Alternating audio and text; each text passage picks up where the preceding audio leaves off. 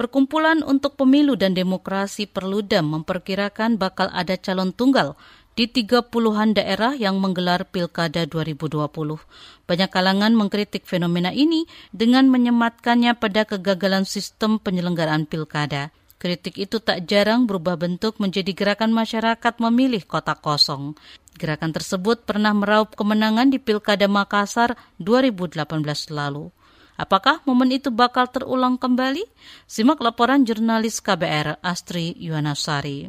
Pada 27 Juli lalu, Andi Setiawan mengunggah gambar ilustrasi bikinannya di laman media sosial.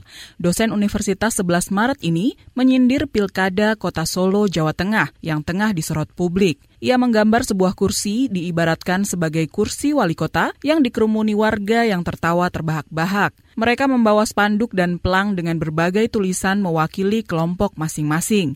Misalnya, paguyuban kelompok nongkrong bela kota kosong, Serikat Golput Solo, dan mahasiswa Bengawan anti dinasti politik. Dalam konteks Pilkada Solo itu, eh, itu yang saya lakukan dengan me, ya sedikit menyentil sebenarnya dengan guyonan dalam bentuk visual gitu. Dan sebenarnya ada beberapa individu-individu lain juga di Solo yang menyampaikan posisi yang sama walaupun bahasa penyampaiannya berbeda-beda. Ada yang dengan membuat artikel, ada yang dengan sosmed ya berstatus dan lain sebagainya. Cuma satu hal yang yang yang kita hindari sebetulnya adalah opini-opini itu menjadi saling serang itu yang kita hindari. Makanya kita dengan bahasa yang ya, guyonan semacam itu.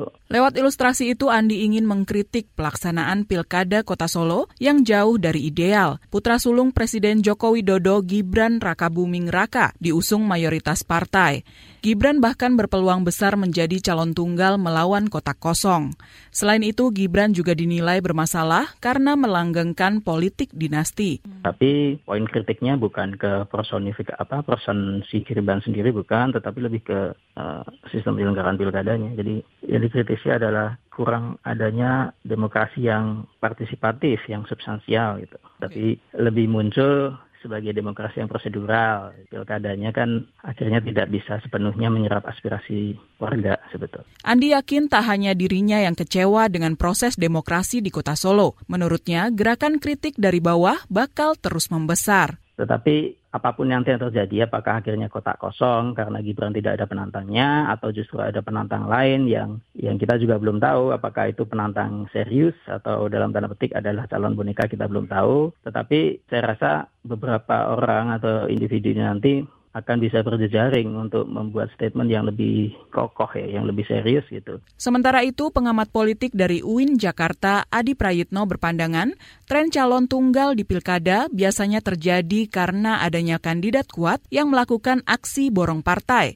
Kondisi ini membuat parpol enggan mengajukan penantang karena peluang menang sangat kecil. Salah satu contohnya adalah pilkada kota Solo kotak kosong itu karena efek dari gagalnya partai politik sehingga parpol ini takut melawan kandidat yang relatif kuat gitu ya, relatif akan memenangkan pertarungan sehingga berbondong-bondong mendukung kandidat yang menang itu ya seperti contoh di Solo lah, nyaris nggak ada partai yang bisa melawan dan takut melawan gitu ya. Sementara PKS yang menantang itu kursinya cuma empat nggak cukup pendaftar, Demokrat yang juga belum mendukung juga nggak punya kursi. Nah dua hal ini yang biasanya secara umum kenapa terjadi gerakan kota kosong. Menurut Adi, fenomena kota kosong biasanya memunculkan calon-calon boneka. Hal ini demi menjaga gengsi kandidat yang berpeluang besar menang dia nggak mau jadi kepala daerah itu dengan cara mudah gitu ya, dengan cara gratisan lah. Makanya kemudian banyak calon-calon di berbagai tempat itu yang di yang sebenarnya hanya sebatas calon-calonan gitu ya, bukan calon yang sebenarnya menantang secara serius. Tapi ini biasanya terjadi bagi kepala daerah yang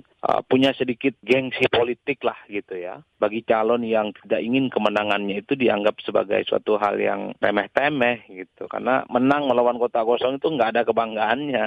Adi menilai gerakan sipil pilih kota kosong tak bakal efektif. Menurutnya, kemenangan kota kosong di Pilkada Makassar sulit terulang. Pasalnya, kata Adi, gerakan di Makassar kala itu sejatinya bukan gerakan sipil, tetapi ditunggangi oleh kepentingan politik dan pemodal. Memang ada anomali soal kemenangan kota kosong di Makassar. Cuman eh, kemenangan kota kosong di Makassar ini kan tidak terjadi secara alamiah. Bukan gerakan politik partisipatoris masyarakat secara umum ya. Tapi juga ada gerakan-gerakan kepentingan politik, terutama kelompok-kelompok oligarki ekonomi, pemilik modal. Menurutnya fenomena kota kosong merupakan bentuk penurunan kualitas demokrasi. Partai politik juga patut disalahkan karena berarti gagal melakukan kaderisasi di daerah.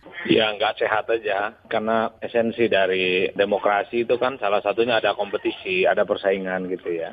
Kalau kota kosong ya nggak kan nggak ada persaingan kalau kota kosong. Tidak ada kompetisi gitu ya, jadi nggak sehat. Ini yang kemudian menjadi aneh. Demokrasi makin maju, partai politik selalu tumbuh, banyak gitu ya. Tapi pada saat yang bersamaan nggak ada yang berani bertanding di pilkada gitu ya. Ini menurut saya ironis banget demokrasi kita. Demikian laporan khas KBR, saya Astri Yuwanasari.